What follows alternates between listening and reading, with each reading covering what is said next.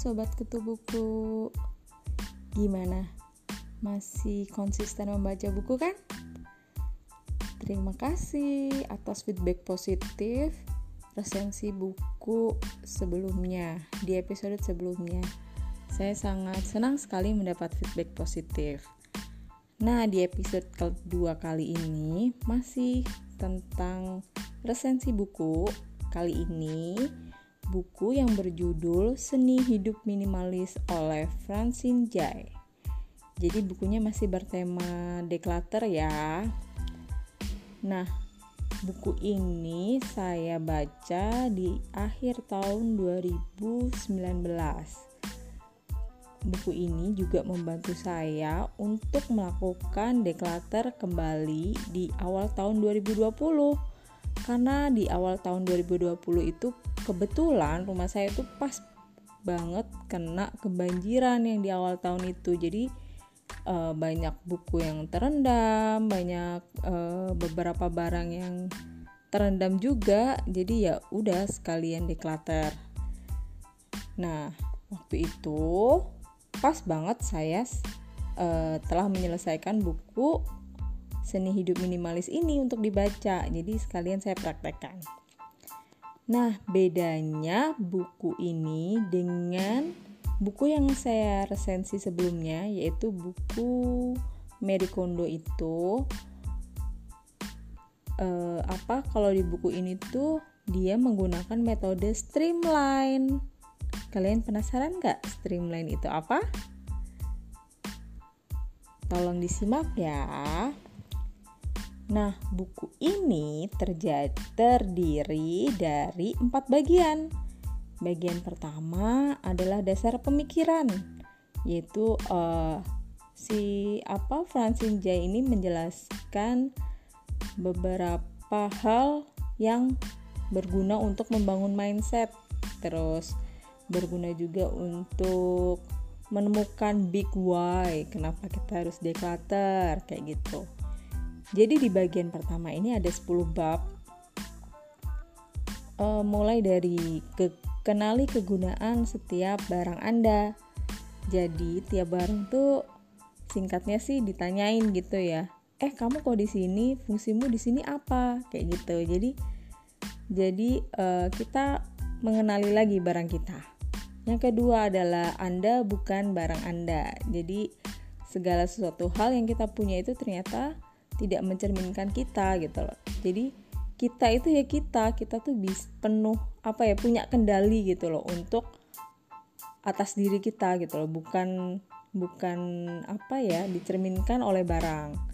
Nah yang ketiga itu sedikit barang sama dengan sedikit stres. Ini benar banget kan?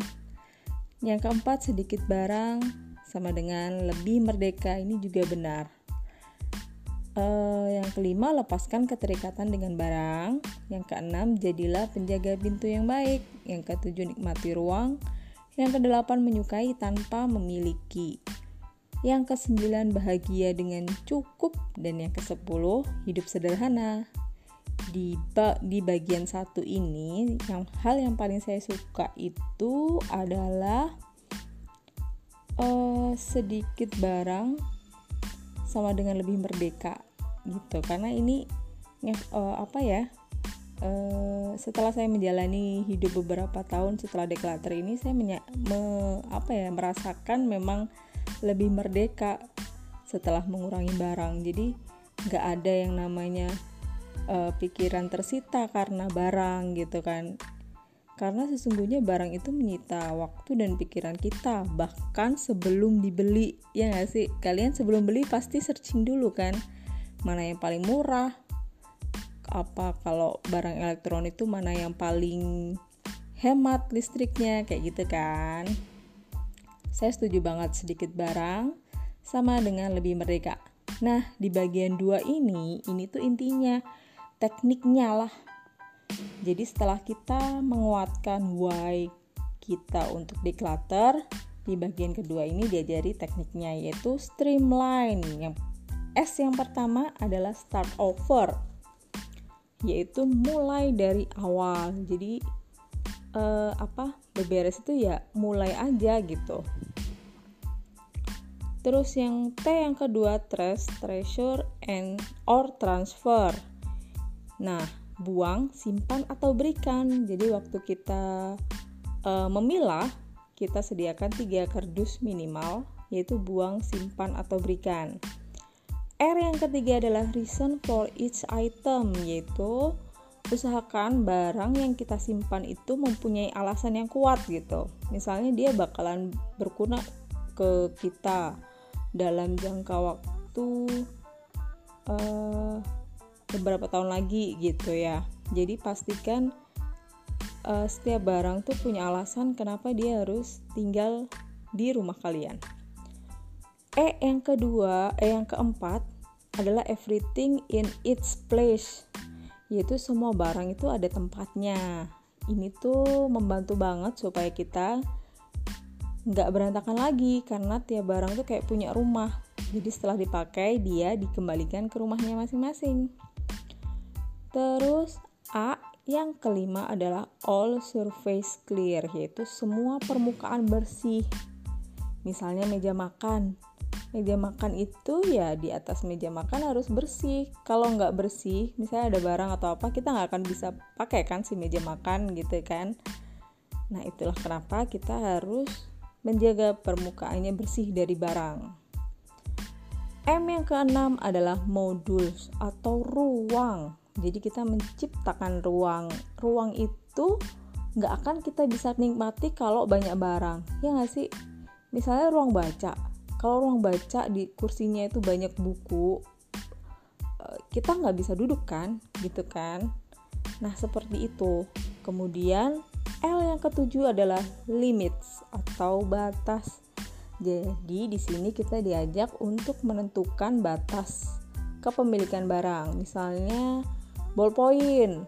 Eh, setelah dikumpulkan, ballpoint kita banyak. Apakah yakin kita perlu semuanya? Enggak kan? Jadi kita kita, cukup untuk uh, menentukan batas kepemilikan. Misalnya ballpoint 5 aja cukup. Nanti kalau dapat lagi gimana? Dikasih atau misalnya kita beli ada hal yang lucu gitu. Nah, itu satu dulu harus keluar baru satu masuk.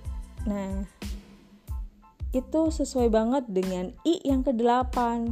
If one comes in, one goes out. Yaitu satu masuk, satu keluar, sama kayak yang saya bilang sebelumnya. Jadi kalau ketika bila ketika kita akan mengambil barang dari luar, entah beli atau hibahan dari orang lain, pastikan kita mengeluarkan barang kita terlebih dahulu.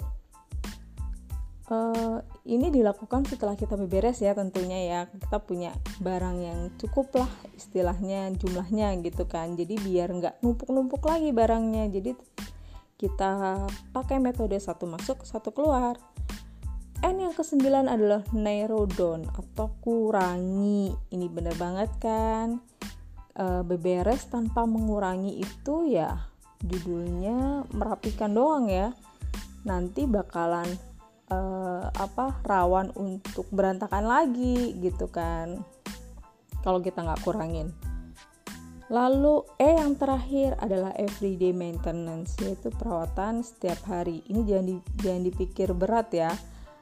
Uh, apa? Coba deh bayangkan kalau kita sudah mengurangi banyak barang alias declutter di rumah maintenance uh, setiap hari tuh nggak bakalan uh, apa ya belibet lagi menguras tenaga menguras waktu lagi gitu loh. Coba bayangkan kalau kita punya rak rak buku gitu ternyata bukunya jarang kita pakai. Kita kan tetap harus bersihin kan? Nanti kena debu lah atau apalah ngelapin raknya ngelapin bukunya. Nah kalau kita sudah mengurangi barang misalnya oh kita berhasil mengurangi satu rak buku gitu kita sumbangkan lah ke perpustakaan gitu. Kita kan jadi apa merawat setiap harinya kan lebih enteng karena satu rak buku udah berkurang seperti itu atau guci lah guci misalnya kita punya guci di rumah gitu ya. Proses membersihkan setiap hari. Kalau ada guci itu kita pindahin guci dulu. Kita sapu dulu lantainya. Terus lap-lap gucinya baru kita balikin ke tempatnya kan. Coba kalau kita kurangin guci misalnya simple kan kita membersihkan cukup langsung nyapu ngepel selesai gitu kan. Nggak ada adegan mindahin barang lah ngelap-ngelap barang lah seperti itu kan. Nah itu di bagian kedua tekniknya streamline. Jadi streamline itu adalah kepanjangan ya kan. Lalu di bagian ketiga itu ini teknik uh, yang dipakai oleh Francine Jay ini berbeda banget sama tekniknya KonMari. Kalau KonMari kan itu per kategori ya. Nah, kalau di Francine Jay ini seni hidup minimalis ini uh, ruangan ke ruangan. Jadi di bagian tiga ini uh, ada 8 bab yang membahas per ruangan gitu. Yang kayak ruang tengah atau ruang keluarga, ruang tidur, ruang pakaian, ruang kerja, dapur dan ruang makan, kamar mandi, ruang penyimpanan, dan yang terakhir tetap ya hadiah, peninggalan, dan barang kenangan. Kenapa peruangan? Karena uh, metodenya gini sih. Jadi misalnya kita bersihin ruang keluarga, kita kumpulkan semua barang yang bisa kita angkut ya. Kalau sofa atau rak yang besar itu kan kita nggak bisa angkut ya biarin aja. Tapi isinya tetap dikeluarkan jadi satu, di, dikumpulkan jadi satu. Terus itu dipilah. Dipilahnya gimana? Jadi dipilahnya bukan hanya yang berguna dan apa uh, kalau metode KonMari kan lebih titik fokusnya ke hal yang membahagiakan. Nah kalau di stream apa streamline ini itu titik fokusnya adalah yang punya fungsi.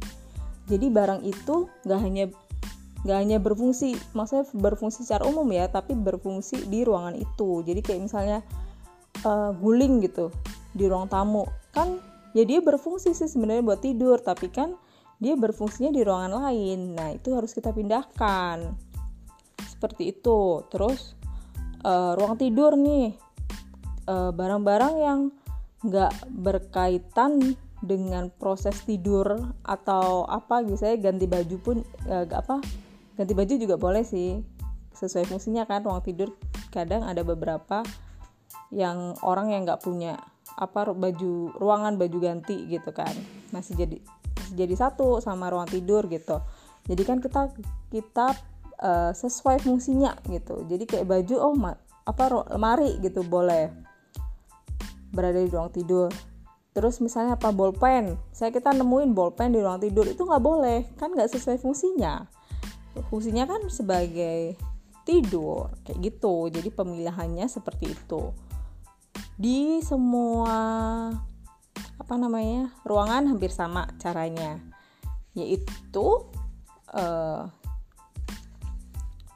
rapikan. Yang pertama adalah rapikan. Rapikan itu termasuk proses uh, kurangin tadi itu ya.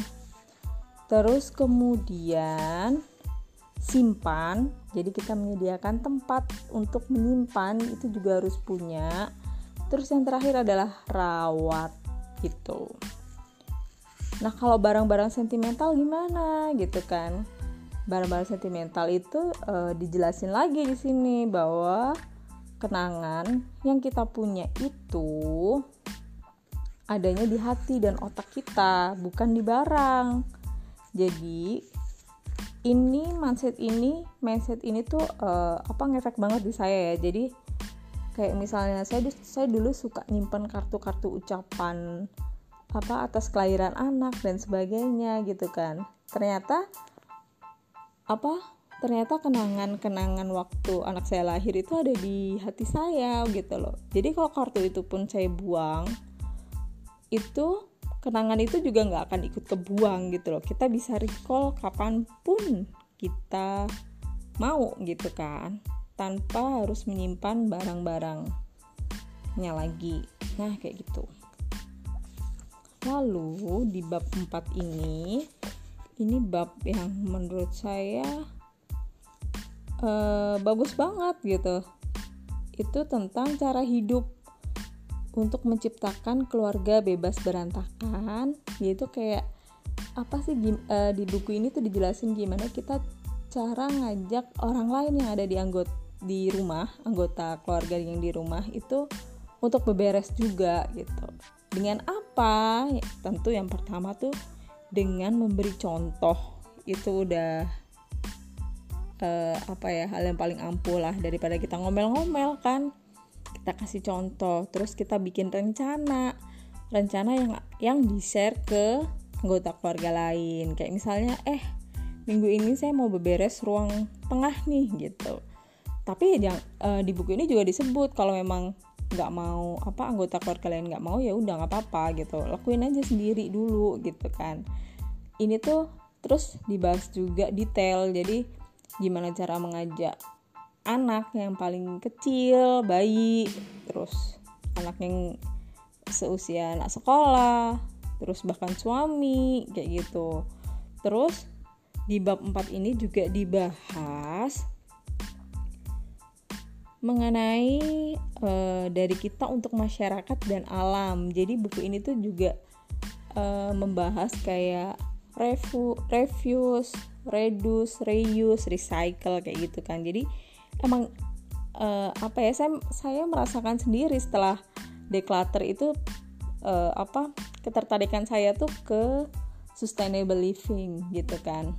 Nah, cocok banget apa yang dibahas di buku ini. Jadi kita tuh pasti ada banyak setelah banyak barang gitu ya yang yang telah kita sortir gitu kan. Nah itu tuh nggak serta merta dibuang langsung gitu kan. Jadi ada prosesnya reduce reuse recycle di, di buku ini sangat dibahas. Ini yang paling saya suka bagian yang paling saya suka ya. Nah ini resensi buku mengenai yang berjudul Seni Hidup Minimalis oleh Francine Jai. Apakah kalian tertarik untuk membaca? Uh, buku ini saya sangat rekomendasikan untuk membaca bagi yang teman-teman yang ingin uh, apa menguatkan why untuk declutter ya, untuk memulai declutter. Nah, minggu depan mau resensi buku apa? Kalian penasaran nggak? Ikutin terus ya. Bye.